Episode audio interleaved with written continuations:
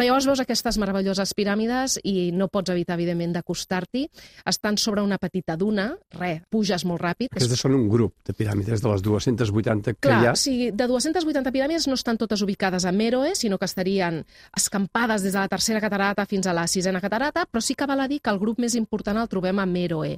Són dos grups de piràmides, un d'ells són 64, la que seria el cementiri nord, que diuen, i després una miqueta més a baix n'hi han, crec que eren 26, per tant ja sumen quasi 90, només amb aquest indret. Un grup de 90, que per cert abans hem dit que són molt punxegudes, però a moltes els falta el vèrtex, O a totes. o a totes. O a totes, sí, És sí. que no acaben de... De fet, és el primer que crida l'atenció perquè arribes i dius com és possible que no veiem ni una sola piràmide sencera o completa. Totes les capçades totes estan escapçades, però ja ràpidament intueixes que això es va fer de forma expressament, perquè són molt petitones, estem insistint, insisteixo en dir doncs, que, que com a molt mesuren 30 metres, que no està malament, eh? però evidentment Clar, doncs, comparades amb les de Keops, que fren... que sé que no s'ha de comparar, però clar, és veritat que al costat d'una de 146 metres, com és la de Keops, doncs evidentment doncs, aquestes són més petitones, però són molt boniques. Estan molt juntes, entre elles estan realment una enganxada a l'altra, i no és només una piràmide, sinó que també veiem que a la paret est hi ha sempre adosat una capella amb uns pilons, perquè allà és on es feia doncs, el culte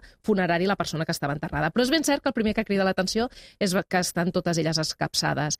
Des d'un punt de vista arqueològic, jo no puc evitar de mirar-ho, al seu interior veiem que no són construccions molt sòlides, és a dir, no, no està feta amb, amb aquests blocs de pedra que també sense voler Egipte tendim- Immensos. immensos, sinó que són molt més petitons, que sí que hi ha un recobriment que està molt ben fet, però a l'interior està ple de cascots, sorra, per tant podríem dir que el revestiment sí que és molt bo, és sòlid, està molt ben fet i fe, obtenen unes parets força llises, però que al seu interior, com que estan totes escapçades, pots veure doncs, que dintre no pot ser sòlida la cosa. Això què ens fa pensar?